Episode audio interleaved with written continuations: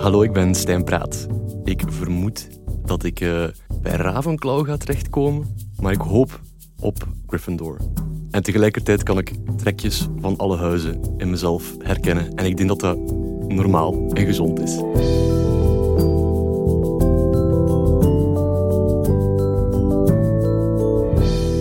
Er was eens, in een land hier ver vandaan, een vrouw met een droom. Ze wilde een verhaal schrijven over een magische wereld, waarin een kind de macht krijgt, letterlijk en figuurlijk, om de grenzen van de volwassen wereld te ontsnappen. Tijdens een treinrit met vertraging ontstond het idee voor Harry Potter. Vijf jaar lang schreef J.K. Rowling in elk vrij moment. En nog eens 25 jaar later is dat verhaal wereldwijd bekend. Er zijn films, boeken, pretparken en podcasts aangeweid. En The Sorting Hat Revisited is daar één van. All was well. Het is een iets wat kort en ook wel enigszins kort door de bocht sprookje, maar Rowlings verhaal leest wel als het soort van klassieke zero-to-hero verhaal. En vandaag heb ik iemand voor mijn neus die alles weet over clichés, patronen en motieven in sprookjes. Hij is dokter in de letterkunde met nog een race andere literaire diploma's op zak en focust zich onder andere op Latijnse literatuur door de eeuwen en het literaire genre van het sprookje. We gaan voor een literaire deep dive in de Harry Potter boeken en beyond in deze aflevering met mijn gast van vandaag, Stijn Praat.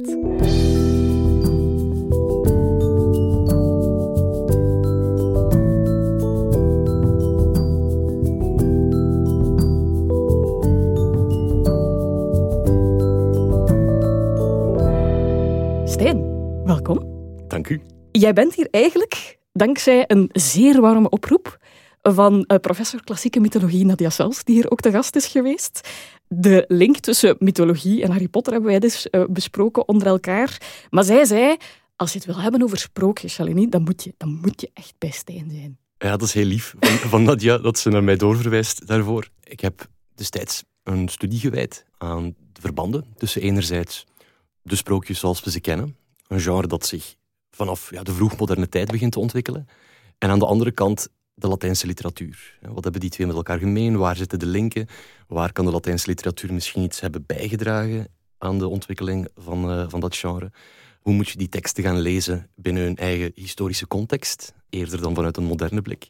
Dat levert trouwens soms wel verrassingen op ook. Dat, ik, uh, dat je geconfronteerd wordt met het feit dat je toch met, met heel moderne ogen soms naar die oude teksten kijkt. Ja. Kan je daar een voorbeeld van geven? Ja, het is, het is uh, iets heel frappant. het heeft met humor te maken. Er is een middeleeuwse tekst, rond 1200, in het Latijn opgesteld. Het is een, uh, een sprookje, of je, zou het zo, kunnen noemen toch. Het gaat over een, uh, een prins die als ezel wordt geboren, die ja, erop uittrekt, in een ander koninkrijk terechtkomt, verliefd wordt op een prinses. Om de een of andere absurde reden besluit de koning dat het een goed idee is om zijn dochter met die ezel te laten trouwen.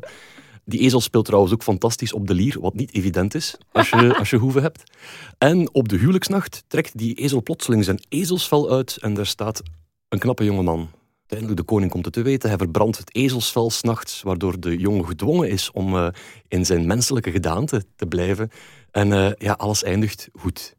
Nu, um, toen ik dat verhaal de eerste keer las, lang geleden intussen, ja, dan dacht ik, ik ben hier een typisch sprookje aan het lezen. Ik ken verhalen van die type, van bij de gebroeders Grimm en zo. Hè. Typisch, een prins wordt... Uh, eigenlijk van het moment dat, dat, je leest, een koning en een koningin konden geen kinderen krijgen, ja, ja. kan je eigenlijk al bijna raden, ja, er zal een kind zijn, maar dat kind zal, er zal iets speciaals mee zijn.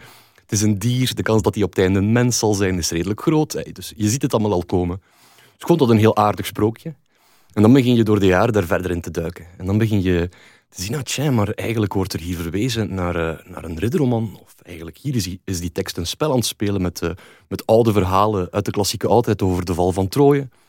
En beetje bij beetje begin, begin je te zien dat die tekst eigenlijk komisch is. Dat die eigenlijk heel grappig is. Dat die vol humor is, dat dat een parodie is.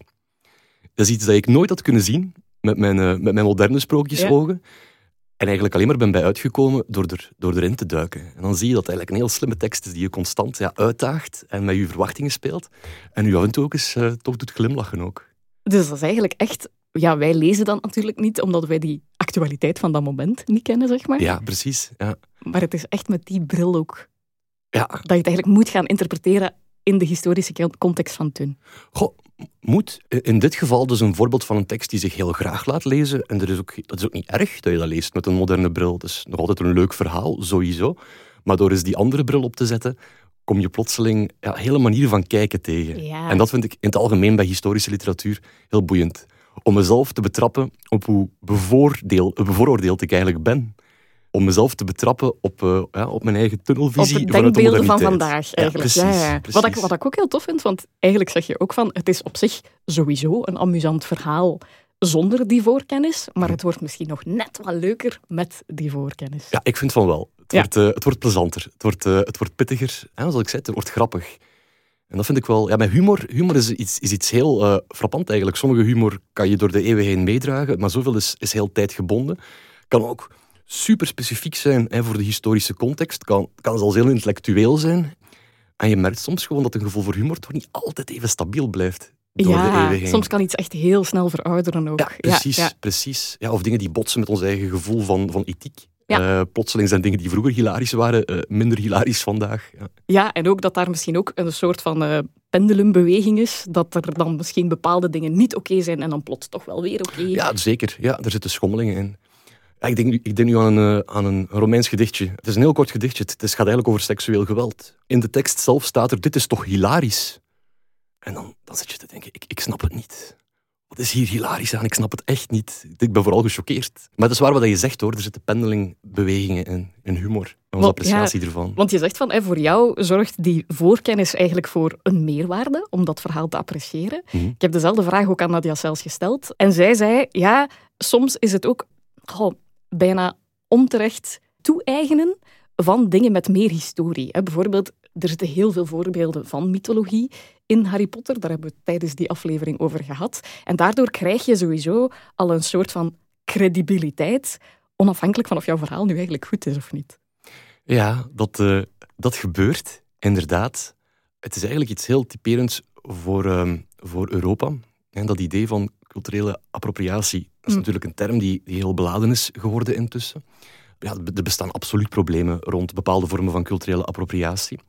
Aan de andere kant zou ik gerust durven zeggen, als je kijkt naar de Europese geschiedenis en de cultuur van Europa, wij zijn echt in de kern een cultuur die approprieert. En ik wil, dat ook, ik wil daar ook de goede kanten van belichten. Dat je als cultuur eigenlijk eh, een openheid toont en dingen van buitenaf naar binnen neemt. En jezelf zo jong maakt en, uh, ja, en jezelf in beweging houdt.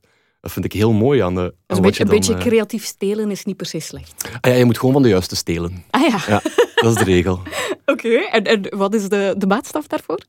Um, ik denk, als je kijkt naar hedendaagse discussies over culturele appropriatie, er is een manier van um, culturele elementen overnemen van andere bevolkingsgroepen die, uh, die mogelijk uh, die het zwaar te verduren krijgen, waar racisme meespeelt, waar zeker de dij misschien soms meespeelt, om dan die elementen zomaar te gaan overnemen op een, ja, op een belachelijk makende manier. Mm. Daar, liggen, daar, daar zijn wel reële grenzen, denk ik. Het gaat over respect ook. Het gaat over respect, dat vind ik ook wel. Maar heel veel culturele appropriatie, iets van buiten naar binnen nemen, gebeurt net vanuit een zeker respect, vanuit een interesse, vanuit een waardering. En ik denk wel echt dat dat iets, uh, iets Europees toch is. Het kan ook natuurlijk uh, een deel uitmaken van, van andere culturen. Ik spreek nu gewoon vanuit de, de wereld die ik een beetje ken. Ja, uh, Europeanen zijn bijzonder goede pikkendieven. Ja, klopt. Dat is mooi gezegd. Oké, okay, maar zalig. Jij hebt mij, uh, Stijn, voor dit gesprek een cv doorgestuurd om u tegen te zeggen. Een bachelor taal en letterkunde, uh, master vergelijkende moderne letterkunde, manama literatuurwetenschappen, dokter in de letterkunde. Met nog wat uitstapjes als docent in Stockholm ook. Uh, ik dacht dat ik verslaafd was aan studeren, maar jij gaat wel echt next level nog. Ik vind dat niet erg dat je dat zegt. een vriend vroeg het mij eens jaren geleden van ehm, als je van jezelf zo een, een archetype zou moeten maken wat zou je dan, uh, wat zou je dan doen? Hè? Ik zeg, ja, misschien, misschien student. Levenslang in die positie kunnen zijn, om te kunnen luisteren naar, wat ja, interessante mensen nu te vertellen hebben. Ja. Levenslang bijleren, jezelf een vraag blijven stellen. Dat vind ik schitterend.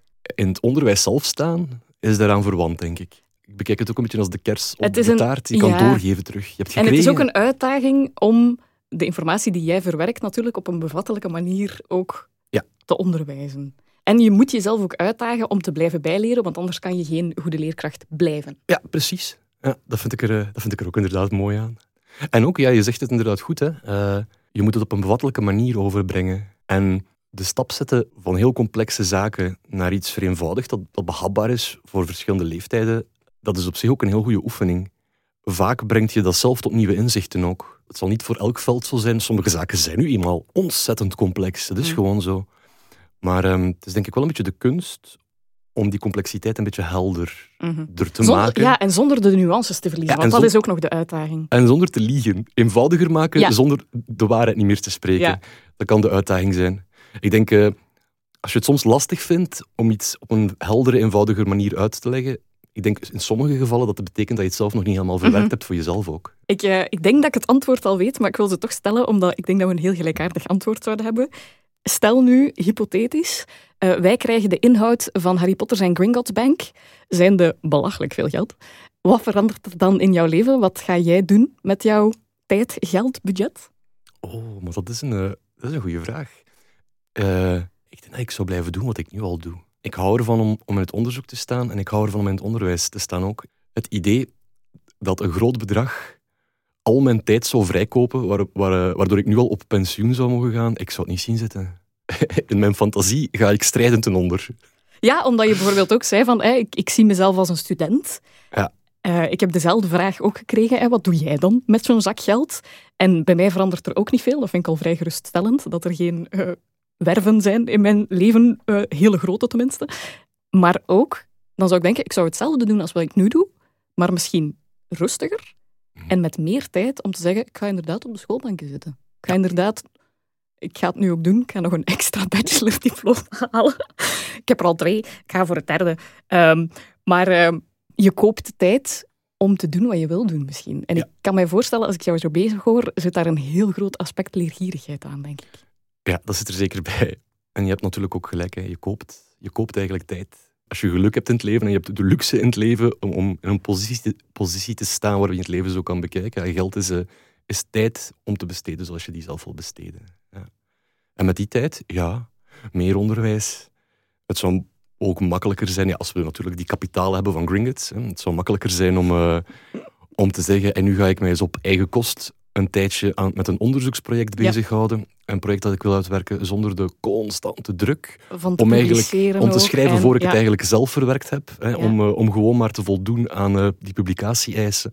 Om intussen al bezig te zijn met drie andere projectaanvragen. Ehm, ja, Is er eh, zo'n zo'n droomproject dat op de plank ligt ergens? ik zou graag... Ik ben eigenlijk bezig met een, met een project over, over homoerotische Latijnse poëzie. Door, door de eeuwen. Dus oudheid tot, eh, tot de vroegmoderne tijd. Momenteel is er niet zoveel ru- ruimte eh, in mijn leven om ermee bezig te zijn. Ik sta ook in het, in secundair onderwijs momenteel, naast, eh, naast mijn opdracht aan de UNIF. Ik zou eigenlijk graag wel de tijd hebben om dat project ten eerste grondig uit te denken en ten tweede dat verder uit te voeren. En er is erg- ergens een verre droom ook om dat in een, een soort internationale en meertalige context te plaatsen. En eigenlijk de geschiedenissen van de Latijnse homoerotische Ja. poëzie naast de Griekse te zetten, maar ook naast de Arabische en de Ik, ik weet dat ik nu al enorm voorloop op de feiten, want je bent er nog keihard mee bezig. Maar wat zijn zo enkele conclusies of wat is, wat is de richting van jouw onderzoek? Ehm, ja, voor mij, ik heb, ik heb die materie een beetje ja, ontdekt. Of ik ben op het spoor gezet van die materie, ehm, ik denk een jaar of zes, zeven geleden. En natuurlijk is er eerst de, de grote verwondering. Tja, er is homoerotische poëzie. Die wordt geschreven in het Latijn. Die wordt geschreven met naam en toenaam door, eh, door monniken, door bisschoppen, Door, heerlijk. door schoolmeesters. Ja, Een beetje later ook door, eh, ja, door bekende intellectuelen die verbanden hebben met het pausdom, met die kardinaal, met die bisschop. En dat was ook niet eh, hush-hush, dat gebeurde openlijk. Dat werd gepubliceerd, dat werd gecirculeerd. Dus dat, is eigenlijk, eh, dat was voor mij al de eerste grote verrassing. Dat, ja. dat, dat is er. En dan merk je dat die best nog pittig kan zijn, die poëzie. De lijn van mijn onderzoek bestaat er momenteel voor een deel nog uit om het gewoon te verzamelen, om het materiaal samen te brengen. Ik ben nu zo'n beetje meer bezig met de vroegmoderne tijd, Italiaanse renaissance. Jij zit eigenlijk gewoon in de oldschool porno. Ja, in zekere zin wel. Ik heb in de voorbije paasvakantie heb ik in het archief van, van de Vaticaan kunnen werken, in de manuscripten. En dan zit je daar met zo'n codex voor je neus. Ben je aan het lezen, begin je rode oortjes te krijgen. Uh, en de locatie is natuurlijk zeer ongepast daarvoor. Um, eerst, eerst een beetje lezen en dan een beetje biechten. Is het op zich? En dan de bijkomende zaak ook. Toevallig de auteur die ik aan het lezen was, zou betrokken geweest zijn in een moordplot op de paus.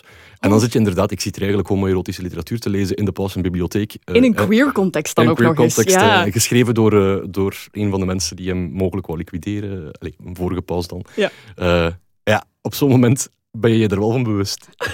Zalig wel. Ja, en waar ik dus een beetje mee bezig ben, is ook uh, wat heel, heel sterk opvalt, is dat veel van die auteurs gaan teruggrijpen op klassieke auteurs. Zij kennen de Romeinse homoerotische poëzie zeer goed. En vaak gaan ze thema's daaruit gaan herwerken, in een nieuwe context plaatsen, bepaalde motieven, bepaalde mythologische personages die keer op keer terugkomen. Er is zo'n een, een namenlijstje van namen, als je die tegenkomt in zo'n tekst, van ver kan je eigenlijk al een berekende gok maken. Ja, het zal homoerotisch zijn. Uh, dus daar ben ik een beetje mee bezig. Te kijken naar, uh, naar hoe in verschillende periodes die, uh, die Romeinse poëzie wordt herwerkt. Hoe er ook heel nieuwe dingen worden gedaan, voor alle duidelijkheid. Hè. Maar dat zit eigenlijk nog een beetje in de kinderschoenen, dat, dat onderzoek. Ja. Ja, is dat, dat je volledig hebt uitgewerkt voor jouw doctoraat, is natuurlijk dat proefschrift over die sprookjes. Ja. Um, de relatie tussen het literaire genre van sprookjes en de Europese volkstaal. Hè. Euro mm -hmm. Europeanen zijn goede pikkendieven, dat is wat ik daarvan onthoud. Maar wat is die relatie tussen die twee? Heel kort, hè. Ik, het, uh, ja, ik probeer, ik probeer heel mezelf... bruut om, om jaren studie even samen te vatten in twee zinnen, maar doe maar. Ja, ik stel mezelf voor de uitdaging die ik daarnet heb, uh, heb vermeld. Het, uh, het bondig proberen ah, Sorry, ik maak het lastig. Ja. Nee, um, enerzijds, ja, die sprookjes die komen niet uit de lucht gevallen. Die, die geschreven literaire sprookjes die, ja, die, die komen van ergens.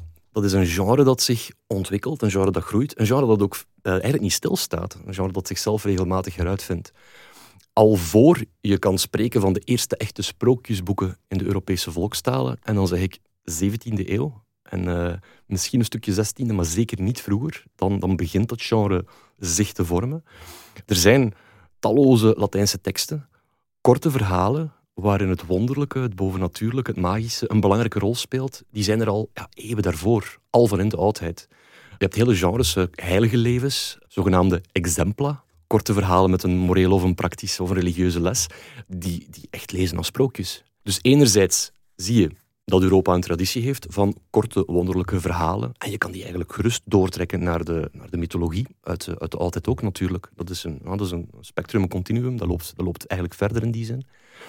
En anderzijds is het inderdaad ook zo dat veel van die sprookjesauteurs regelrecht verhalen of verhaalelementen zijn gaan plukken uit oudere bestaande teksten. Romeinse teksten, middeleeuwse teksten. Maar dat is constant gebeurd. Er is zo'n beetje een, uh, een beeld dat is ontstaan. Een, beeld dat trouwens ook nog altijd onderwezen wordt. Het sprookje als het ultieme volksgenre dat millennia lang traditioneel wordt doorgegeven. Binnen de sprookjesstudies is er eigenlijk heel veel um, discussie over.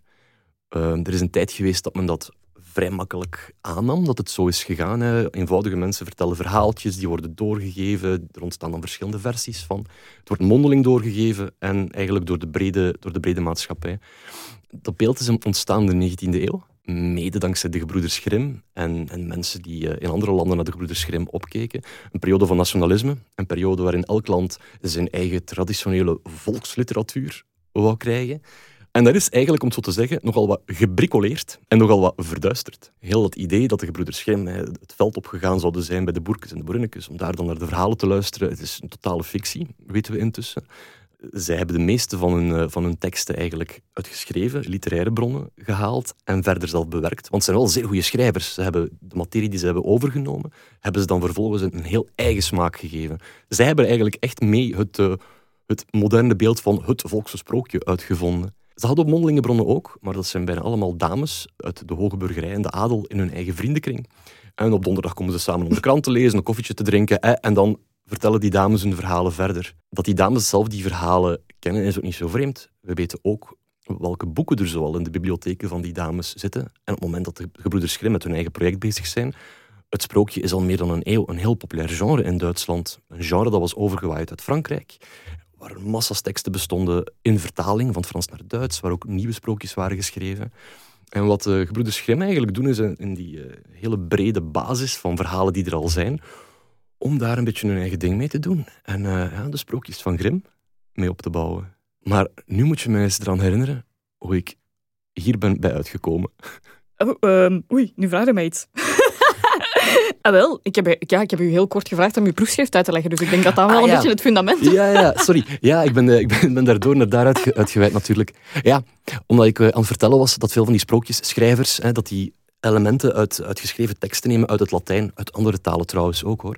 Ja, en dat dat een beetje indruist soms tegen ons idee van wat een, eh, een sprookje is, namelijk een verhaaltje dat men heeft opgeschreven van bij, van bij eh, ja, de, de gewone mensen, het Ja. werkvolk, de, de boeren. Mondelinge overdracht aan het Ja. kampvuur. Ja. Eh, Voor heel veel sprookjesteksten kan je met een vrij stevige waarschijnlijkheid zeggen, die tekst is voor het eerst daar ontstaan. Dat verhaal is daar ontstaan in de handen van die auteur. En mogelijk, en dan moet je natuurlijk opnieuw beginnen speculeren, je kan het nooit uitsluiten dat er geen mondelinge verhalen rondgaan. Dat is, dat is het probleem een beetje. Hè. Wetenschappelijk gesproken kan je het nooit bewijzen dat het er wel of er niet was. Maar je kan wel heel vaak zeggen van, kijk, die tekst, dat is een, je kan zeggen, dit is een nieuw verhaal, het is een nieuw sprookje, maar ik zie daar eigenlijk motieven van die tekst, die tekst, die tekst. Allemaal teksten die op dat moment heel bekend zijn en waar je niet naast kan kijken.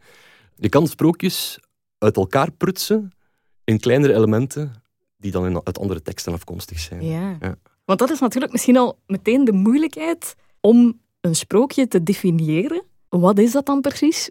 En ook, in hoeverre sluit Harry Potter aan bij die traditie? Oh, ik heb erop gesukkeld om dat te definiëren. Ik kan het u echt zeggen. Ik heb er echt zwaar op gesukkeld. Omdat je, omdat je merkt dat ehm, die duizenden, duizenden teksten die wij hebben, waarnaar is verwezen doorheen de eeuwen als sprookjes of conte of fairy tale, die zijn eigenlijk ontzettend divers. Qua inhoud, qua stijl, qua genre-kenmerken. Eh, ja, je krijgt dat dan zo typologieën. Hè? Ik heb bijvoorbeeld in mijn opleiding moeten leren over mythes, over sages, over Ja. hè, de, de, de, onder, de categoriseringen daarvan eigenlijk. Maar dat is niet makkelijk om daar een eenduidige definitie Nee, op te plakken. Het is eigenlijk heel moeilijk om daar een eenduidige definitie op te plakken. Ik ben uiteindelijk gegaan naar een, naar een heel brede definitie. hè. Het is een eh, doorgaans kort verhaal. Dan kan je al beginnen discussiëren. Wat is kort, wat is lang? Waarin het wonderlijke, het eh, niet-alledaagse, het bovennatuurlijke een centrale rol speelt in de plot. Dat is voor mij zo'n beetje een, eh, een definitie. Maar het probleem is dat er dan, zelfs met zo'n definitie, vallen er al direct teksten uit. Roodkapje. Oké, je hebt een sprekende wolf, maar er zijn talloze fabels met, eh, met sprekende dieren. Ja. Waarom noemen wij Roodkapje een sprookje? Wat doet die tekst daar eigenlijk? Er gebeurt niets, niets in dat, dat typisch, uitsluitend voor het sprookje typisch is. Dus dat probleem krijg je altijd hè, met definities. Ik heb het een beetje moeten loslaten ook op de duur. Sorry, ik ben hier Eh, op een zure wonde. Nee, nee, eh, maar het is een zeer goede vraag. En wat het nog moeilijker maakt, is dat je doorheen de eeuwen ziet dat het wel ook altijd anders wordt ingevuld. Hè. Eh, begin van de 17e eeuw heb je een Napolitaan, die maakt het eerste sprookjesboek. Heel sappig, eh, heel barok, eh, van plat naar super literair verfijnd. Die vindt eigenlijk een nieuw genre uit op die manier. Ga je naar het eind van de 17e eeuw in Frankrijk, dan, dan wordt dat sprookje een, eigenlijk een heel, ja, een beetje een intellectualistisch, filosofisch genre heel fijn, doet een beetje denken aan de, de Franse roman van die periode. Ga je dan weer een eeuw later bij die Duitsers, die maken dan dat, hè, dat Gremiaanse sprookje. En dat is denk ik wel een, eh, bij gebrek aan een zeer sluitende definitie van het sprookje, kan ik wel een kenmerk geven. Het is ook misschien niet zo'n bevredigend kenmerk, maar het is zeer variabel en het blijft evolueren. En eigenlijk kan je dus ook niet zeggen, ik ben geen fan van sprookjes, want er is zo'n divers aanbod, dat er hoe dan ook waarschijnlijk wel iets is. De kans is wel groot dat er ergens toch een verhaal zit dat je een sprookje zou kunnen noemen, Ja. eh, waar je het wel voor hebt. Ja. Want ik hoorde jou dingen zeggen waarvan ik dacht, ah ja, check, dat klopt wel voor Harry Potter, hè, die magische wereld, ja, uiteraard. Maar een kort verhaal, ja, dat klopt dan misschien alweer niet meer, want het is wel verspreid over zeven boeken. En tegelijkertijd, er is, een, eh, er is ook een traditie, die is een beetje jonger, zou je kunnen zeggen, die traditie. Zo meer, misschien 19e eeuw al. En vroeg 20e eeuw van schrijvers die, eh, die dan ja, romans gaan schrijven, waarin al sprake is van een soort verborgen wereld. Eventueel een verborgen wereld die zich nogthans volledig met de onze vermengt, waar je gewoon geen toegang toe hebt, eh, waar jou voorbij gaat. Het is één auteur, eh, Edith Nesbit. Zij is een Victoriaanse Engelse schrijfster. Zij wordt wel eens eh, benoemd als ja, in zekere zin een verre voorouder van, eh, van het Harry Potter-fenomeen. Zij schreef, ze heeft massa's kinderboeken geschreven in de, in de 60, denk ik. eh, en zij schreef onder meer verhalen die zich afspelen in onze wereld. Maar het zijn kinderen die een manier vinden om de wereld onder de wereld te vinden, laat ons zeggen. Om een geheime wereld te vinden die zich afspeelt binnen de onze. Waar ook wonderlijke technologieën bestaan. Hè. Het is een beetje science fiction ook in die zin. Ja, zij is eigenlijk vooral, Nesbit is vooral bekend onder, uh, onder specialisten, denk ik vandaag. Maar eigenlijk heeft hij wel een fameuze bijdrage gedaan aan de ontwikkeling van dat idee. Hè. Ja. en zij was natuurlijk ook een, iemand die de sprookjestraditie heel goed kende, die daar ook stukjes en brokjes uit gaat lenen. Want is bijvoorbeeld de kans dan reëel? Uh, J.K. Rowling heeft ook een minor in classic literature, ja. dus die heeft ook wel echt in haar studie is die geconfronteerd met heel veel van die dingen. Is de kans dan ook reëel dat, je, dat die zo'n dingen heeft ingelepeld en gedacht heeft, hmm, interessant. Ja, ik ken die voor haar creatief proces natuurlijk. Maar ze is ook angliciste op de koop toe. Ze is, ze is zowel klassica als, als, eh, als angliciste. Het is niet onwaarschijnlijk dat hij die Victoriaanse schrijvers wel kent.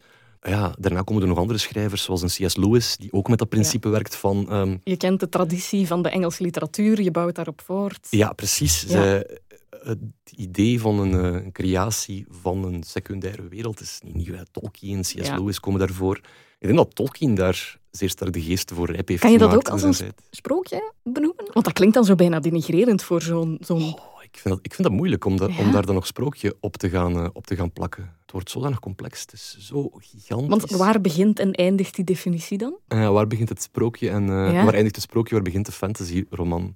Ik vind dat ook een moeilijke, eerlijk gezegd. ik kan me voorstellen dat als je aan bepaalde Tolkien-fans zegt, dat is ook een sprookje dat die echt op een achterste poten gaan staan. Ik zou het heel pragmatisch aanpakken. Ik zou dan zeggen van, kijk, uh, hier hebben we een, een, sprookje. Het is eigenlijk een, een wonderlijke novelle. Het is een, een kort verhaal. En hier hebben we dan een, een, een fantasy-roman van een grotere omvang, met misschien een stuk meer personages. Het zit hem in de uh, grootsheid misschien. Het zit hem denk ik wel in de schaal, ja. En misschien ook in de ruimte die er bestaat voor, um, ik wil voorzichtig zijn met wat ik zeg, um, met de, de ruimte die er is om uh, de psychologie van de personages uit te diepen, om, uh, om je personages een diepgang te geven. Er bestaan wel degelijk sprookjes die dat ook doen. Hè. Maar het is niet het eerste waar men aan denkt bij sprookjes. Hè. Men, denkt, uh, men denkt bij sprookjes vaker aan, uh, aan flat characters. Met duidelijke grenzen. Uh, duidelijk moreel omlijnd ook. Dat is een goede en dat is een slechte. Ja, laat dan zeggen dat je dan misschien een soort van continuum hebt. Bij hè, sprookje inderdaad, flat character, niet zo uitgediept. Misschien ook niet zo complexe personages. Andere kant van het spectrum inderdaad echt die verdieping gaan zoeken. Dan denk ik al veel sneller aan een Dune, een Lord of the Rings. Waar zit Harry Potter ergens op dat continuum? Ik denk dat, dat Harry Potter volledig met zijn voeten in traditionele fantasy staat. Ja. Qua uh, genre, ik denk niet dat ze veel potjes heeft gebroken, J.K. Rowling, op dat, vlak, op dat vlak. Dat ze niet zo'n grote vernieuwer eigenlijk is. Harry Potter was natuurlijk, toen het, uh, toen het uitkwam, toen de films er kwamen, was gewoon een immens succes. Maar daardoor vergeet men dan soms ook dat er wel een wat iets aan vooraf gaat ook. Dat er Ze heeft in heel veel eh, potjes uh, gretig de mosterd gehaald, ja, eigenlijk. terecht, zoals ik daarnet zei. Je ja. moet gewoon van de juiste pikken. ze, heeft, ze heeft tactisch van de juiste mensen gepikt. Maar, want je zegt ook van, hè, gretig gepikt, niet alleen uit de klassieke mythologie, wat Nadia zelfs al bewezen heeft, maar ook uit de bestaande popcultuur, C.S. Lewis, wat mm. je dan zegt.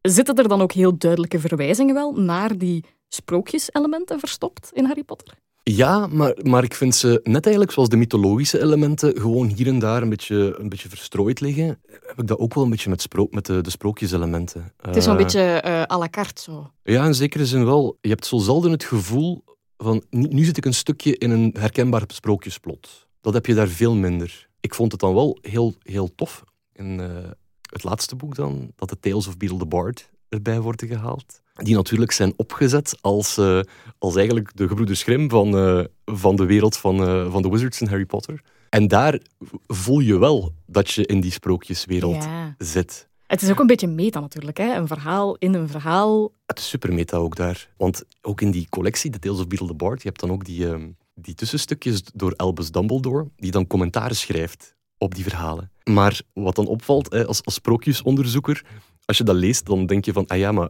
J.K. Rowling die moet waarschijnlijk ook wel uh, sprookjestheorie en uh, een werk over sprookjes gelezen hebben, want het leest bijna als een, uh, ja, een beetje een persiflage op, uh, ja, op en ook, hè, het is inderdaad een, een heel, heel kort... Het past, past eigenlijk perfect aan de definitie die je daarnet gaf. Ja. Hè? Het is een, een kort verhaaltje met een zekere moraal op het einde, een mooi afgerond geheel. Het eindigt ook nog eens een happy ending. En in dit geval heeft het dan nog eens de extra voordeel dat het het plot vooruit helpt. Ja, inderdaad. En dat vind ik dan wel tof. Hè? Ja. Een, boek dat het boek vooruit helpt. Ja, ja. ja, dat vind ik tof. Ik kan me herinneren dat er op een bepaald moment werd gezegd dat er een, uh, een Victoriaanse sprookjesschrijfster was in de wereld van Harry Potter, hè, die zelf een beetje gechoqueerd was over de verhalen van Beedle the Bard en, uh, en ze dus uh, ja, braver heeft gemaakt en er de scherpe kantjes vanaf had, heeft geveild. We hebben dat ook gekend in de echte wereld dan, hè, waar bepaalde ja, moralisten en, en, mensen die bezorgd zijn over het welzijn van de onschuldige kindjes, die, die niets kunnen verdragen natuurlijk, hè, ja, dat, die, uh, dat die verhaal zijn gaan aanpassen, omdat ze dan zogezegd te gruwelijk zijn of, uh, of te erotisch zijn. Het punt is, in de geschiedenis van het sprookje merk je eigenlijk heel goed dat uh, sprookjes in de eerste plaats ook voor volwassenen waren, waren bedoeld. En het, het kindergenre van het sprookje heeft zich pas een tijd later ontwikkeld. En zelfs daarbinnen kon er heel veel. Van de gebroeders Grimm zegt men zo soms, ah ja, maar dat zijn, uh, dat zijn van die, uh, die brave mannetjes, die hebben zelf eigenlijk alle... Allee, ik zal het zo zeggen. Van de gebroeders Grimm wordt er gezegd dat uh, hun verhalen al te duister zijn voor kinderen vandaag. Hè. Dat, uh, dat er te veel geweld in zit, en agressie en gruwel. Erotiek niet, dat wisten ze perfect, dat wisten ze zeer goed te mijden. Maar, maar meestal zijn die al de watered-down versie. Hè? Ah, wel, dat is het punt. Dus de gebroeders Grimm hebben dan tegenwoordig de reputatie hè, van de grote schandaalsprookjeschrijvers te zijn. Hè. Maar nee, die zijn doodbraaf in vergelijking met wat er daarvoor komt. Doodbraaf. Ja, en dat, heb je dan ook zo'n beetje, dat zie je dan ook zo'n beetje bij die commentaren van Albus Dumbledore op die, uh, op die Victoriaanse schrijfster. Iets wat me ook bijblijft uit die commentaren. Op een bepaald moment werd, wordt er gezegd, schrijft, schrijft Dumbledore, hè, dat er bepaalde verhalen zijn in The Tales of Beetle the Bard die extra werden omarmd en zelfs nog een beetje aangepast door politiek totalitaire groepen. Dus eigenlijk door, uh, ja, door dark wizards. Uh, politiek gerecupereerd. Politiek gerecupereerd, maar dan in een totalitaire wereld, waar dan de domheid van muggles bijvoorbeeld verder benadrukt wordt en de superioriteit van, uh, van de, de wizard community en zo. Maar ook dat heeft een echte historische tegenhanger. Namelijk, de nazi's waren zich heel goed op de hoogte van het cultureel statuut dat sprookjes hadden in Duitsland al sinds de gebroeders Grimm. Hè. Uh, Men zegt, een goede Duitser die heeft de gebroeders Grimm, Goethe en de Bijbel hè, op de plank staan. Wij weten dat zij een protocol hadden, een, uh, ja, een uh, code, bepaalde regels rond het onderwijzen van sprookjes op school. Ja, ik weet ook, ik denk dat het Hitler of Goebbels, pak mij er het niet was op. Goebbels die het uh, heeft Ja, het was ook echt een van zijn ambities. Hitler was blijkbaar een enorme fan van Walt Disney en wou daar eigenlijk een Duitse equivalent van. Er zijn ook echt, ik heb daar ooit uh, research naar gedaan, er zijn ook echt Duitse animatie-propagandafilmpjes. Ken je de Reinhard de Vos? Van Nazi-Duitsland. Nee. Op het moment zelf, je vindt er nog fragmenten van op YouTube, maar het is heel moeilijk te vinden, omdat het, ja, het is echt antisemitische propaganda. Visueel en zo, top-notch. Hè? Niveau van Walt Disney op dat moment, absoluut.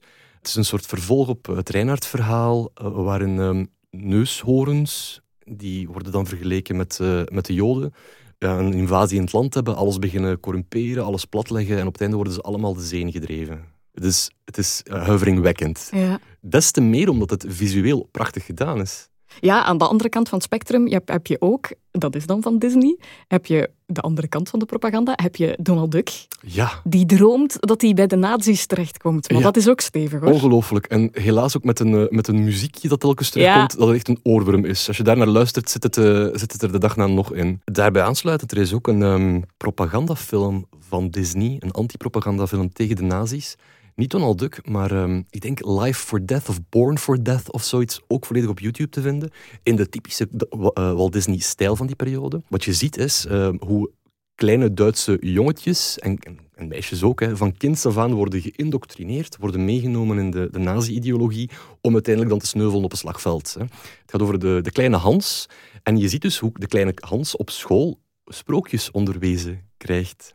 En hoe het sprookje van de schone slaapster wordt uitgelegd als een allegorie van hè, de, de boze heks, democratie, die, uh, die de schone slaapster Duitsland uh, bedreigt. En dan komt de, de ridder Adolf Hitler zelf uh, ten tonele. Maar eigenlijk is dat toch super straf als je daarover nadenkt, want dat toont hoe bewust figuren als een Goebbels en een, en een Hitler zich ook waren van de impact van zo'n verhalen. Hè? Ja, ja, precies. Dus het is, het is, net omdat ze het zo serieus namen, dat ze Ja. er effectief ja, regels voor hebben uitgeschreven van zo moet je op school sprookjes onderwijzen. Zie hier kant-en-klare interpretaties voor deze verhalen. Ehm, wij, hebben, wij hebben een voorkeur voor deze verhalen, want deze zijn toch wel een beetje extra antisemitisch. Oh, Die- wauw. Die Ja. elementen zitten bij de Grimms er ook in. je, je kan dat niet, niet ontkennen. Dat zijn net de dingen die de, de nazi-partij dan ging eh, benadrukken. Maar inderdaad, het is eigenlijk vanuit een respect voor het sprookje als genre, het idee dat dat de, Duitse volkscultuur was, de, de, de Duitse geest zelf kon bevatten, dat men daar zo bewust is mee omgesprongen. Zodanig dat de Amerikanen daar zelfs van op de hoogte waren wat de Duitsers aan het doen waren met hun sprookjes in de klas. Je zou denken, niet het meest belangrijke element van, eh, van de oorlog. Nee, nee, maar ja, het is, want ik vind het frappant dat die bewustwording er toen ook al, ook al zo aanwezig was. En het maakt natuurlijk jouw vakgebied tot op vandaag ontzettend relevant. Hè? Want waar zit die fascinatie voor jou? Sprookjes zijn, uh, het is een cliché antwoord hoor. Uh, het zijn de eerste teksten die ik me kan herinneren als kind. Ik kreeg van mijn ouders een boekenreeks cadeau, de Lecturama Sprookjes en Vertellingen. Uit de jaren tachtig, rode covers. Uh, er bestaan nog hele gemeenschappen op Facebook rond mensen die, die ze op het spoor, het spoor proberen komen. Elke maand verscheen er een deel en in, in dat boek zat dan uh, een variatie van mythes van over de hele wereld, um, literaire verhalen van Oscar Wilde, uh, Peter Pan, Pinocchio. Voor mij was eigenlijk mijn eerste aanraking met al die verhalen was via, via die boeken. En dan ook natuurlijk de, de klassieke sprookjes. Aanvankelijk moest ik dan luisteren op een luistercassette bij de, de boeken. Uh, ik kende die zodanig goed dat wanneer mijn ouders mij iets voorlazen, dat ik corrigeerde. Nee, nee, dat staat daar niet. Het is iets anders. En dan, de herinnering van mijn allereerste schooldag in het lager onderwijs. We waren direct begonnen met, uh, met een woordje leren, boom, hè, de boom-roos-vis-methode. En we leerden dat woordje boom en we leerden dat aan de hand van het sprookje van Duimelijntje. Ik, uh, ik kwam middags thuis. Ik ging direct naar mijn sprookjesboek van Lecturama waar ook het sprookje van Duimelijntje in zat. Want ik wist, ja, die, de oude vrouw woont in een holle boom. Ik begon te kijken en daar stond het. Hè. Ik kon dat woord herkennen, boom. En dat was magisch. Misschien verzin ik de helft van het verhaal. Misschien heb ik dat in mijn hoofd zodanig gemodelleerd en gekneed dat dat zo mijn eigen perfecte ontstaansmythe is geworden. Je hoort er ook de sprookjesmuziek al onder. Hè? Ja, ja ik, ik, zei het, ik, ik erken de mogelijkheid dat ik het voor mezelf heb geconstrueerd. Die, is een mooie constructie, we houden het erbij. Dat is wel de constructie inderdaad. De, de magie van mijn, van mijn eerste gelezen woord, boom. Het kwam uit een sprookje. Ja, dat is natuurlijk de ontstaansmythe, maar ook, ja, het, het is ook wel blijven, blijven fascineren. Er is iets hoopvol in sprookjes niet dat alle sprookjes goed eindigen. Hè. Ik ben altijd voorzichtig om, uh, ja, om te veel te veralgemenen. Maar er zit wel iets hoopvol in. Op zijn minst zit er een hoop in dat verandering mogelijk is. En soms komt verandering vanuit een onverwachte hoek. Vanuit een wonderlijke hoek. En is dat een wereldbeeld dat je graag wilt geloven of gewoon toekoer omarmt? Het zou toch mooi zijn als, verander als verandering, altijd, hè? als verandering altijd mogelijk is en, uh, en er is hoop. Er is een, uh, een Amerikaanse literatuurwetenschapper, sprookjesspecialist, Jack Zipes, die denkt zo'n beetje vanuit een neo-marxistische hoek. Uh, die heeft wel een interessante blik op waarom sprookjes blijven behagen. Hij gelooft echt absoluut in het idee dat het sprookje de hoop op transformatie biedt. In de zin dat, dat fantasie een hoop op transformatie biedt. Zonder fantasie kan je je de wereld niet op een andere manier voorstellen dan dat die is. Het idee dat verbeelding een uitweg kan bieden. En geloof je dat zelf ook? Ja, absoluut. Ja, als je je niet kan inbeelden dat het anders kan, dan blijf je zitten waar je zit. En natuurlijk, dat kan gebruikt worden ten kwade, maar dat kan ook gebruikt worden ten goede. En er zijn sprookjesonderzoekers die hebben gezegd, ja, sommige sprookjes werden dan zelfs onderdrukt of, allez, of er werd slecht over gesproken, net omdat ze eigenlijk ja, politiek subversief waren. Dat zou kunnen, hè, dat sommige van die sprookjes, waarschijnlijk is het ook zo, dat sommige sprookjes echt ingaan tegen de mores van de tijd en die hier en daar een, een stek geven naar de koning en zo. Hè. Dat zal zeker het geval zijn. Maar onder die concrete vorm van ja, sociaal subversief zit je dan altijd zo gezegd met dat, uh, ja, dat idee van de verbeelding. De verbeelding als uitweg, als weg naar verandering. En dat vind ik een mooie gedachte. En ik, en ik denk het ook wel dat dat iets is dat er mij aantrekt, die transformatie. Misschien ook niet alleen transformatie, maar een, zo, een zeker oh ja, morele guideline is misschien te sterk uitgedrukt, maar heel vaak zit er toch ook een soort van zou ik bijna durven zeggen, christelijke waarden in verstopt in hoe je een goed leven kan leiden. Ja, zeker. En dat, geldt zeker voor ja, de sprookjes post-Grim. Zeker daar. Ik ga een lelijk woord gebruiken, dat is eigenlijk heel burgerlijk. Dat zijn heel burgerlijke verhaaltjes met een heel klassiek moreel waardesysteem. Je moet, je moet ijverig zijn, je moet spaarzaam zijn, je moet een goed huisgezin eh, runnen. Bij voorkeur trouw je en krijg je kindjes. Dus in die zin zijn dat eigenlijk heel burgerlijke verhalen. Het is trouwens op die burgerlijkheid ook dat heel veel feministische sprookjes, onderzoeksters en, uh, en schrijfsters ook gereageerd hebben vanaf de jaren 60, 70 die daar beginnen zijn tegen, tegen schoppen. Tegen dat beeld, ook het beeld dat Walt Disney ook heel sterk heeft uh, versterkt van dat sprookje als een... Uh, Sneeuwwitje ja, is echt een vod, hè. Sorry, man. Het is een vod, is waar. Ik kan, er, ik kan er niet naar kijken, naar die, uh, naar die tekenfilm ook. Mijn enige ambitie is het vinden van een vent. Ik kan daar niet... Kan niet enfin. Ja, nee, ik snap het, ik snap het echt volledig. Ja, dus je, je, er is een reactie tegen geweest, net daartegen. Tegen het sprookje als al te gemakkelijk handboek, correct gedrag en gendernormen en zo. We zitten daar nog altijd in, in die tegenreactie. Er worden, er worden heel veel sprookjes ja, herschreven vanuit een ander oogpunt. Uh, in een queer context bijvoorbeeld. Hè. Um, of men gaat de traditionele goed versus slecht rollenpatronen verder uh, gaan onderzoeken.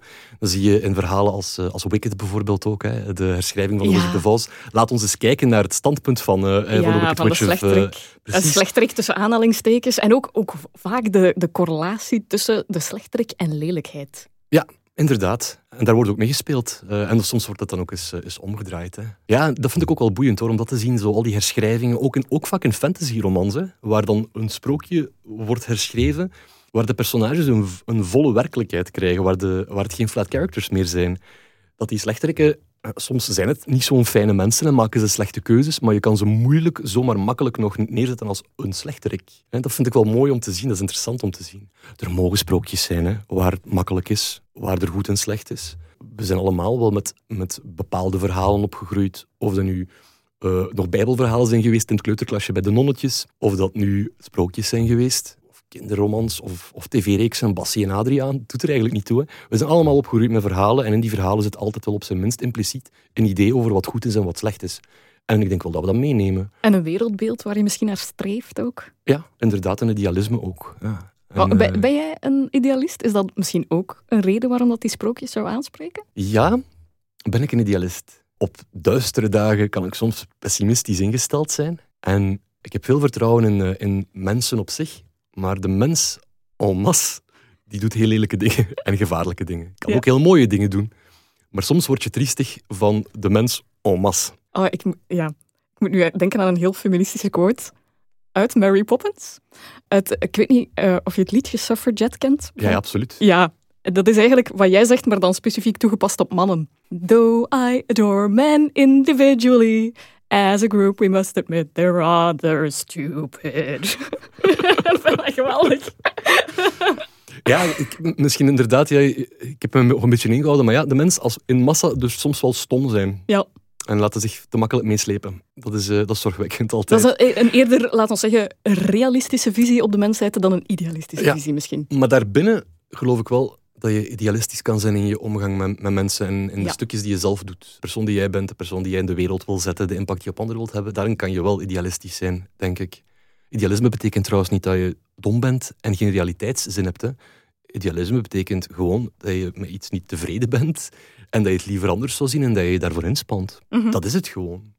Idealisme en naïviteit zijn, zijn Dus dan kijk je misschien niet naar eh, de mensheid in zijn geheel, want daar zijn misschien wel haken en ogen aan, maar wel naar jouw individuele impact. Ja, heel eenvoudig. Hè? Hoe ga je om met mensen overdag? Als je s morgens passeert aan, uh, aan het onthaal, zeg je goeiedag tegen de persoon achter de balie, lach je daar eens vriendelijk naar.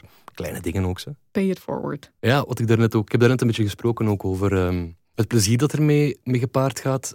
Zelfs met het betrappen van je eigen kortzichtigheid en waarop we vanuit ons eigen perspectief naar de dingen kijken. In het algemeen eigenlijk historische teksten, historische literatuur, die dwingen je constant in een confrontatie met wat vreemd is. Er wordt ook wel eens gezegd, het verleden is een, is een ander land. En de geschiedenis is een ander land. Ik, ik eh, ben daarvan overtuigd dat dat zo is, inderdaad. Dat is een vreemde cultuur, het verleden. En die teksten die, ja, die komen ook uit een vreemde cultuur. Ook al zijn ze, bij wijze van spreken, uh, eh, 300 jaar geleden in mijn achtertuin geschreven. Het is een vreemde cultuur. En dat houdt me geïnteresseerd. Om daar nieuwe dingen over te ontdekken, om ermee te botsen ook. Hè. En zoals ik zei, om mezelf te betrappen waar ik zelf tekort schiet om mezelf te betrappen op een manier van kijken die ik van voor vanzelfsprekend neem. En als je zo'n tekortkoming van jezelf tegenkomt, wat doet dat dan bij jou? Is dat dan eigenlijk echt inderdaad een confrontatie met oké, ik moet recalibreren, ik moet mijn gedrag aanpassen? Ik denk dat dat ergens automatisch kan gebeuren ook. Dat reca recalibreren, dat is een mooi woord dat je ervoor gebruikt, ja, dat dat er wel insluipt. Een soort ehm, is misschien heel hoogdraverig dat, dat ik nu aan het spreken ben, hè, maar um, een soort respect voor de ander met hoofdletter. Hè. Een soort respect voor het feit dat, uh, ja, dat veel van de wereld anders is dan jijzelf. Op een andere manier denkt, op een andere manier uh, werkt. Als ik daar niet de moeite voor kan nemen om te aanvaarden dat er een afstand is en om, om proberen om daar een stukje terug van te overbruggen, want je kan dat toch nooit volledig overbruggen, die, die, die band met verleden. Als ik dat niet kan, moet ik het dan wel kunnen met mensen die met mijn buren zijn uit andere culturen. Het ene is een training voor het andere, bij wijze van spreken. Ja, ja. Ik weet ook, ik, ik, ik kan niet de bron vernoemen, helaas. Maar ik weet wel dat ik ooit een onderzoek heb gelezen ook, waarin werd beweerd dat mensen die heel veel lezen, tout voornamelijk fictie zelfs, dat die ook een, een rijkere empathische wereld hebben. Omdat je natuurlijk, je confronteert jouzelf daar veel meer mee dan als je niet leest, bij wijze van spreken. Ja, het is een, eh, een bekende stelling, ja, een, een vaststelling. Ik weet niet wel in welke mate je ooit zoiets sluitend kan echt Ja. gaan bewijzen. Maar het is inderdaad een, eh, een vaak gebruikt argument voor de waarde van lezen, voor de waarde van het lezen van literatuur. Dat het eh, een mens empathischer kan maken. Of je op, op, op zijn minst een mens attent op- erop kan maken dat andere mensen ook complex in elkaar zitten. En dat het niet is omdat ze een keer iets slecht doen, dat ze slechte mensen zijn. Ja, een, een, boek, een boek neemt je constant mee in de wereld van iemand anders. Ja, dat, is, dat sluit aan bij wat ik daarnet ook heb, eh, ook heb gezegd. Hè. Dat getraind worden met, met afstand, dat is iets gezond, denk ik. Je had het net over eh, de Tales of Beetle the Bard en in hoeverre, in welke zin dat dat eigenlijk een, een soort van persiflage is.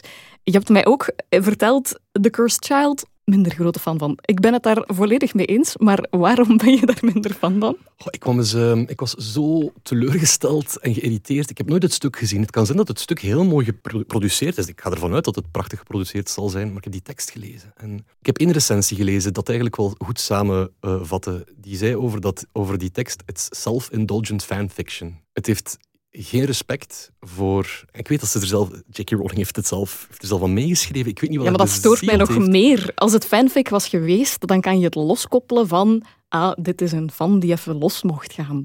Het is extra irritant als de auteur het verknalt. Maar gelukkig kan je als lezer zeggen: ik aanvaard dit niet als Nee. kanon. Nee!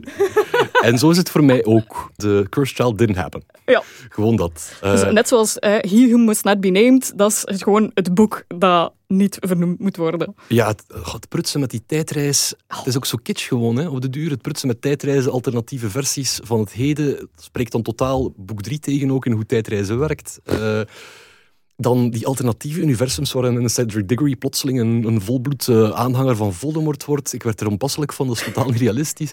En het ergste, ja, het idee... eh, ja, geen spoilers in deze ehm, podcast, neem ik aan, dus ik mag dat zeggen. Ja, het idee dat eh, Voldemort en Bellatrix Lestrange dat die Ja. een kindje hebben. En ik zou dan nog zeggen, en ik, ik was er echt over aan het nadenken van, als je dan toch per se wilt dat die een kind hebben, laat dat dan op een soort totaal onnatuurlijke, Ja. Walgelijke manier gebeurd zijn, maar laat die twee niet in mijn hoofd in een bed kruipen, want dat, het is ondenkbaar voor het personage van Voldemort. En dan dacht ik verder, ja, en, en zelfs als het op een totaal absurde, onnatuurlijke manier zou gebruiken, eh, gebeuren, dan eh Voldemort die is gewoon, die is, is gewoon een sociopaat, een psychopaat van het ergste soort. Waarom zou die een kind willen? Die zou dat kind als concurrentie zien. Ik vond dat... Ja. eh, ik bedoel, ja, die- Ja, is dat dan ook niet een soort van egotripperij van mijn versie 2.0? Mijn volgende generatie is verzekerd? Ah, wel, maar in mijn hoofd is Voldemort gewoon een stapje verder dan dat. Dat is, dat is narcisme voor beginners. Ah, kind oh op ja. de wereld. Nee, nee, nee. ja, We ja. gaan een stap verder. Ik ben hier de enige. Hè, en ik ga eeuwig leven. Ja. Waarom zou ik kinderen willen? Die dan nog een keer... Hè, stel je voor dat ze dan nog een keer beginnen concurreren met mij. Eh, nee, ik bedoel, de reeks begint met een kindermoord. Wat ik Wat? nog het, het, het grappigste vind aan hè, eh, Ik ga eeuwig leven, als je de tijdlijn van de leeftijden van de personages bekijkt, dan is Voldemort echt volledig gefaald in zijn opzet. Want als je kijkt naar hoe lang Dumbledore geleefd heeft, zonder enige interventie, die mens is ergens tussen de 100 en de 150 jaar oud geworden. Voldemort, met zijn zeven horcruxen en poging tot werelddominantie, is maar een luttele ergens tussen de 70 en de 75. Hij had even goed de moeite niet kunnen doen, gewoon op zijn gemak blijven zitten en hij was waarschijnlijk ouder geworden. En terecht. En terecht- dat is waar. Nee, ik had er nog niet bij stilgestaan, maar het is eigenlijk waar. Maar ja, het is niet genoeg, hè. Oud worden is niet genoeg. Oud, Het, nee, nee, eh, nee, oud worden is niet. Het moet, Maar- moet eeuwig zijn. Oké, dus hypothetisch, stel ook jij wordt gezegend met een zeer lang rijk leven, Dumbledore-gewijs, ergens tussen de 100 en de 150 jaar. Wat wil jij op jouw honderdste verjaardag kunnen zeggen tegen je vrienden? Oh, ben je mij een, eh, een, een laatste woordenquote aan het, eh, aan het ontfrutselen?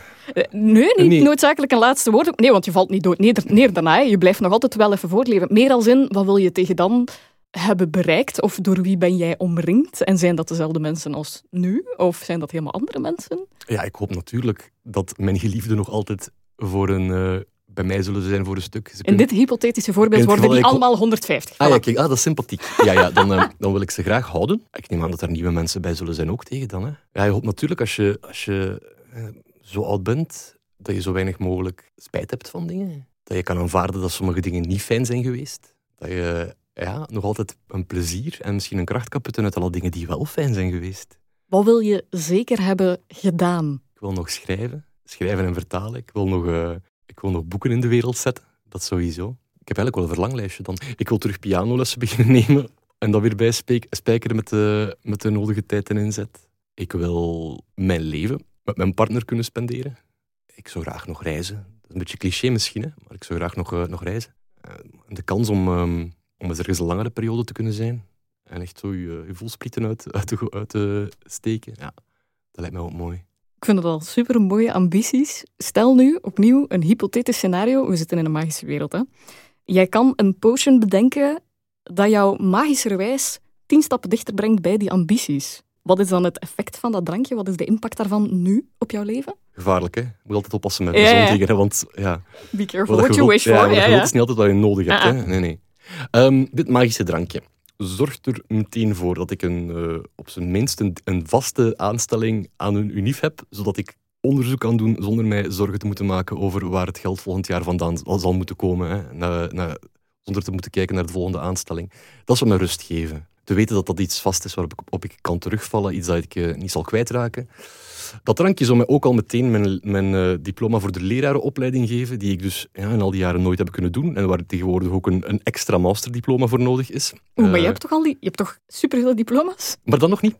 en, ah, uh, dat deent je nog. Ja, nee, ik catch hem al. Oké, okay, ja, en dan ja. moet je dus hebben, dat is tegenwoordig een opleiding van twee jaar. Hè, en niet zo makkelijk te combineren als je al fulltime werkt ja. daarbij. Maar um, ja, zonder dat stukje papier, geen, uh, geen vaste benoemingen. Ik snap wel natuurlijk dat men wil ja, dat leerkrachten opgeleid worden. Maar, um... Ik zou denken dat je genoeg gestudeerd hebt om die credentials voor te leggen. Maar... Goh, het, pas op, het interesseert me wel ook. Dat is het probleem niet. Maar het komt gewoon zeer ongelegen om dat er nu nog bij te kunnen persen. Dat is wel lastig. Dus dat, dat is zo'n een, een drempel uh, ja, die ik gerust met een toverdrankje zou willen verstellen. Ja. Ik vind dat bijvoorbeeld ook, hè, want je zegt van be careful what you wish for. Pas op, want wat je wil is niet per se wat je nodig hebt. Wat ik heel frappant vind, is die vraagstelling kan bijvoorbeeld ook zijn van ah, ik zou supergraag veel macht hebben of veel wijsheid hebben.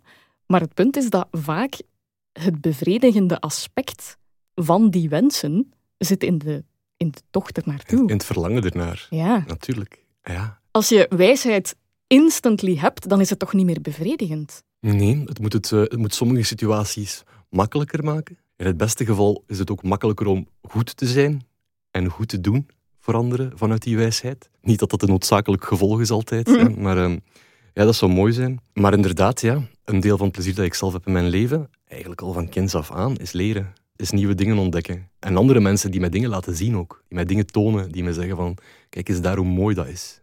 En hoe boeiend dat dat is. Ja, dat is, een, dat is een belangrijk deel van het plezier dat ik heb in mijn leven. Stel dat je plotseling ja, alles weet wat er te weten valt, dan natuurlijk niet kan, maar uh, dan zou ik mezelf moeten gaan herdefiniëren. Dan uh, zou ik in een identiteitscrisis waarschijnlijk belanden. Oké. Okay. Ja. Uh, ik denk dat ik jou geen identiteitscrisis hoef te bezorgen, dat is al goed. Wat ik heel frappant en heerlijk vind ook, je hebt voor deze opname gezegd, ik, heb, ik heb eigenlijk nog geen afleveringen beluisterd, ik ga het gewoon laten overkomen. Wat ik grappig vind, is dat je nu eigenlijk het prototype van de wetenschapper ook weer bent gebleken. Zijnde, ik heb hier al enkele wetenschappers uitgenodigd. Literatuurwetenschapper Vanessa Joosen, pedagoog Pedro de Bruikere, filosoof Jean-Paul van Bendegem, eh, Nadia Sels, die zich weigerde te categoriseren, maar voor de rest waren het allemaal Ravenclaws. Hm. Die zaten allemaal een beetje in die coté. En op voorhand dacht ik, hoe statistisch groot is de kans nu dat we bij jou daar ook uitkomen? Maar ik denk dat de kans wel zeer, zeer reëel is. Maar het is, niet, het is niet vreemd dat je met die resultaten, denk ik, dat dat resultaten zijn. Hè. Uh, de mensen die je noemt, ikzelf ook, een, een zo'n groot deel van onze tijd en ons leven is besteed geweest aan les krijgen en lesgeven. Ja. aan onze neus in de boeken zitten. Het is, uh, het is denk ik normaal ook dat je dan daarover gaat vertellen. Dat, dat, dat zijn dan zogezegd je expertises. Dat zijn de dingen waarover eh, mensen ook vragen stellen over de dingen waarover je vertelt. Ja, we zouden ook een heel gesprek kunnen voeren totaal zonder iets van wetenschappelijke expertise. En dat zou, dat zou misschien een ander gesprek zijn ook. Ik heb daarnet gezegd, ik denk dat dat Ravenclaw zal, zal worden. Maar de mens hoopt ook een beetje Gryffindor. Ja, Gryffindor zijn ook een beetje de idealisten. Hè? Mm -hmm. Ja, maar de mooiste dingen, dat zit denk ik nog in het allereerste boek. Het is zo'n heel klein momentje, maar ik vond dat heel schoon. Is um, wanneer Neville Longbottom zijn vrienden verbiedt om nachts taf te bollen. Hè? Want ze gaan, de groep gaat in problemen komen en zo. En hij krijgt er achteraf eh, huispunten voor. Waarom? Omdat hij bewezen heeft dat hij moedig is. Omdat hij de moed heeft verzameld om zich ook te verzetten tegen vrienden. En dat is denk ik iets heel belangrijk. Dat je dat kan. Dat je moedig kan zijn in, de kleine dingen. Uh, in het dagelijks leven moedig zijn. een keer je mond open doen als je met iets niet akkoord bent. Uh, is je nek uitsteken voor iemand anders, ook al loop je zelf een risico. Is een sprong te wagen in het leven, ook al ben je niet zeker van de uitkomst. Moedig zijn is, is belangrijk. Het verbaast me niet dat J.K. Rowling haar helden ook bij Gryffindor hmm. geplaatst zijn. Hè. Protagonisten, hè? Inderdaad, ja. Het is dat dat ik zei. Ik heb geen bezwaar bij Ravenclaw, hè. absoluut niet. Maar, ik hoop ook dat die Gryffindor is dat, te dragen. Is dat een streven naar dat moedig zijn? Is dat iets dat je graag wil zijn? Of dat je jezelf zelfs beschouwt? Dus denk ik iets dat ik, uh, dat ik wil zijn. Maar nogmaals, eigenlijk het voorbeeld, ja, het voorbeeld daarvan Neville gaat om een klein momentje. Het zijn de momenten die eigenlijk heel herkenbaar zijn. Heel weinig met Harry Potter en, uh, en magie te maken hebben en zo. Dat zijn echt gewoon concrete situaties. En ik denk, zoals alle mensen, ben je soms tevreden over hoe je reageert in een bepaalde situatie of een gok die je waagt. Hè. En soms denk je achteraf, ik had daar iets van moeten zeggen. Ik had, uh... En wat weerhoudt jou ervan om iets te zeggen? Is dat vooral de voorliefde voor de goede vrede? Ja, de goede vrede is natuurlijk gemakkelijk. Hè. het, is, het is gemakkelijker dan, uh, dan conflict. Ik ben misschien wel een beetje, een, beetje conflictvermijdend. Nogmaals, ik denk zoals zoveel mensen. Ik heb het uh, ja, liever via een rustig gesprek dan te ontploffen en, en er tegenin te gaan. Ja, dat is misschien een beetje angstigheid die ik in mezelf draag rond, rond conflicten. Angstigheid vind ik dan al meteen zo sterk verwoord ik vind op zich een diplomatieke aard hebben is geen slechte kwaliteit. Het is niet dat je per se niet op tafel wil springen om een argument met eh, hand en tand te verdedigen, dat je daarom angstig bent. Nee, dat is misschien wel waar. Toch niet uitgesproken angstig. Maar als je iets niet doet, als je ervoor kiest, kiest om iets niet te doen, er zit toch ergens een motivatie ook achter. Misschien dat je toch ergens onrustig wordt door de mogelijkheid dat er, dat er ruzie zal zijn, of dat er groepen zal worden, of misschien dat er geweld aan te pas komt. Ja, dat weerhoudt mensen er misschien van om, om soms moedig te zijn mhm. in die kleine momenten. Die, uh, zo de, de heroïek van elke dag. Ja, je maakt het mij hier op de valreep heel erg moeilijk plots. ik zal misschien eerst even mijn gedachtegang toelichten. Mhm. Want het idee van de huizen is natuurlijk dat jij altijd het laatste woord hebt. Dus als jij denkt, al deze informatie, dankjewel Shalini, maar ik wil toch in Gryffindor zitten, dan, dan is dat zo. Daar heb ik voor de rest helemaal niets in te zeggen. Maar ik denk dat je zo ook weer op een continuum zit tussen verschillende huizen. En dat is logisch, want je hebt in het begin ook al gezegd, hè, dat lijkt me logisch en gezond dat je van elk huis aspecten hebt en erkent en in jou hebt zitten. Voor ik dat toelicht, want daar ben ik nog niet uit. Waar zit Slytherin voor jou? Het leuke aan Slytherin is dat er ook op gewezen wordt op bepaalde momenten in de boeken dat er, er komen ook mensen uit die, eh, die perfect een goed moreel kompas hebben mhm. en zo. Hè. Absoluut. Slytherin stond een stuk voor gedrevenheid en ambitie. Ambitie kan soms een lelijk woord zijn, dat kan ook een, een goed woord zijn.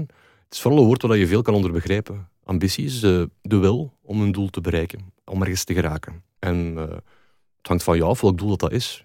Wat voor, voor de ene persoon heel ambitieus is, de andere kijkt er dan bijvoorbeeld al op neer. Maar dat is ambitie gewoon, die wil, de gedrevenheid om ergens te geraken. Dat, uh, ja, ik heb het ook al gewoon nodig gehad zeker in het academische, het is niet evident om daar de kop boven water te houden. En je hebt het een beetje nodig, ja. Uh, dus ja, natuurlijk heeft Slytherin een, plaats. En Hufflepuff ook, zelfs, hè, want er, is, er komt ook veel uh, gezwoeg aan te pas en, uh, en gedoe en dingen die je eigenlijk niet graag doet. En dingen die soms dus repetitief zijn. En ploeteren in een boek en er niet geraken, dat is ook de realiteit. Hè. Dat zit er ook allemaal bij.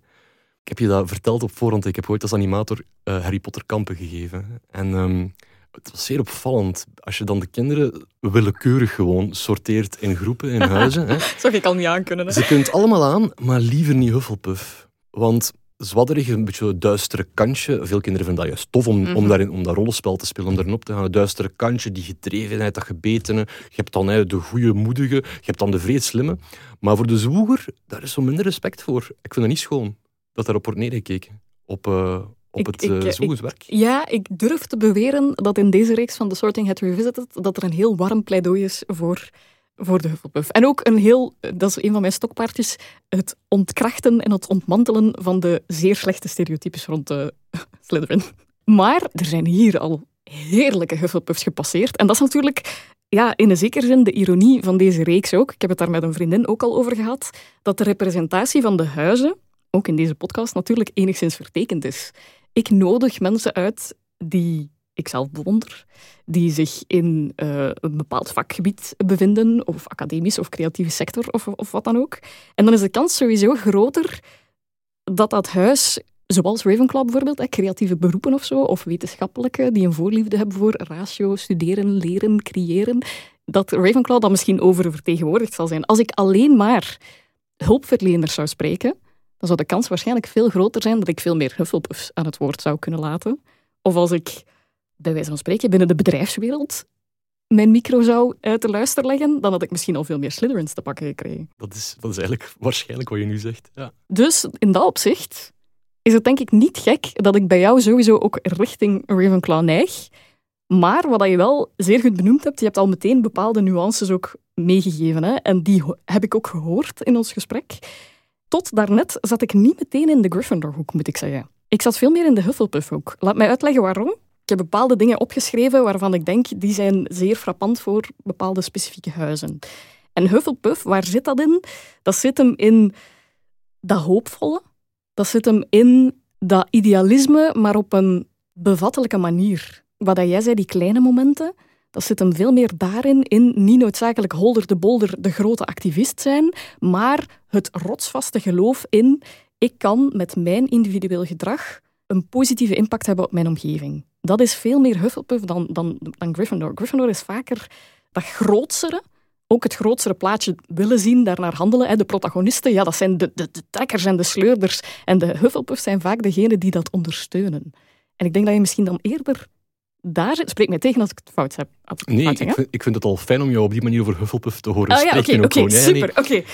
Waar hoor ik dan ook in? In een zekere waarde die je hecht aan veiligheid. bijvoorbeeld, stel als ik, een, als ik eh, een potion krijg en wat wil ik dan graag een vaste benoeming? Ja, veiligheid zit daar ergens wel als waarde in vervat. En dat is perfect begrijpelijk natuurlijk.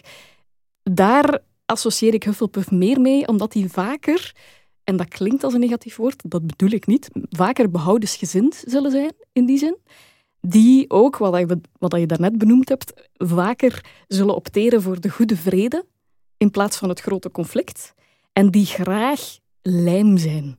En ik denk dat dat ook wel iets is als ik jou hoor praten over jouw voorliefde voor enerzijds het vergaren van kennis, maar anderzijds ook zeker het doorgeven van die kennis, waarom onderwijs jou zo ontzettend ligt, dan is die lijm daar ook wel een belangrijke factor in, denk ik. Ja, ik vind het uh, zeer mooi om lijm te zijn. Ja, ja, dat is veel meer Hufflepuff dan Gryffindor.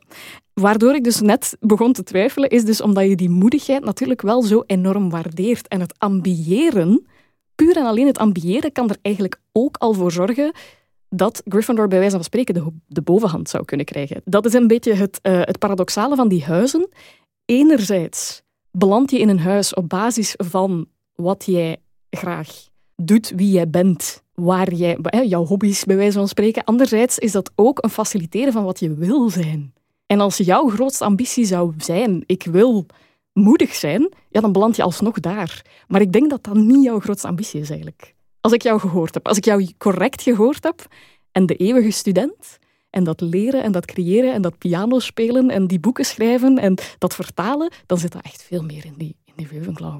Maar ik vind dat ook oké hoor.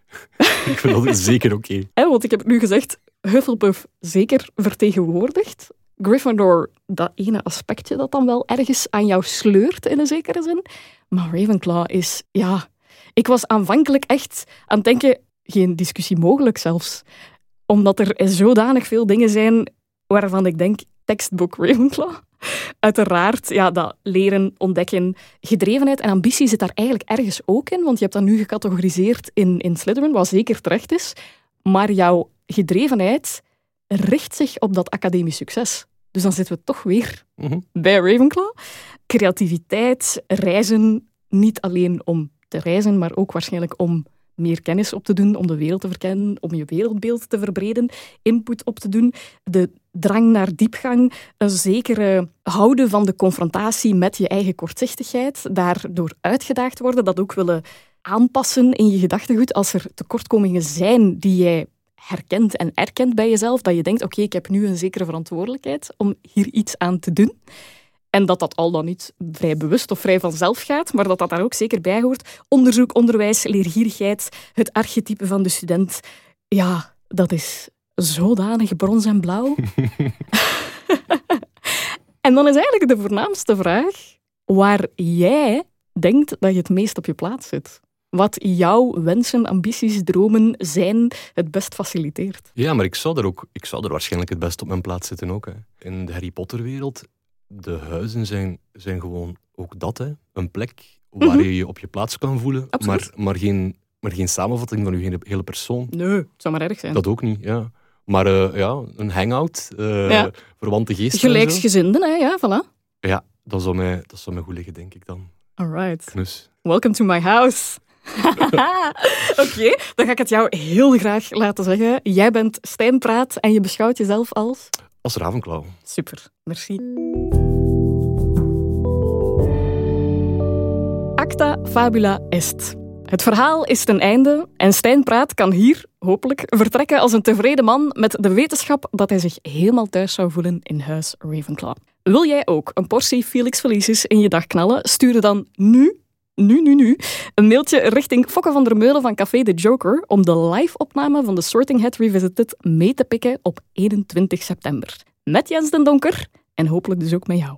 Mailtje sturen naar jokercomedykaarten.gmail.com is de boodschap. Of gewoon even de socials checken, at ShaliniVDL of Fokke VDM. Ik zie u daar, of lever weer een lading magie met de volgende aflevering van The Sorting Hat Revisited. En we leefden nog lang en gelukkig. Merci voor het luisteren en tot de volgende. Mischief Managed.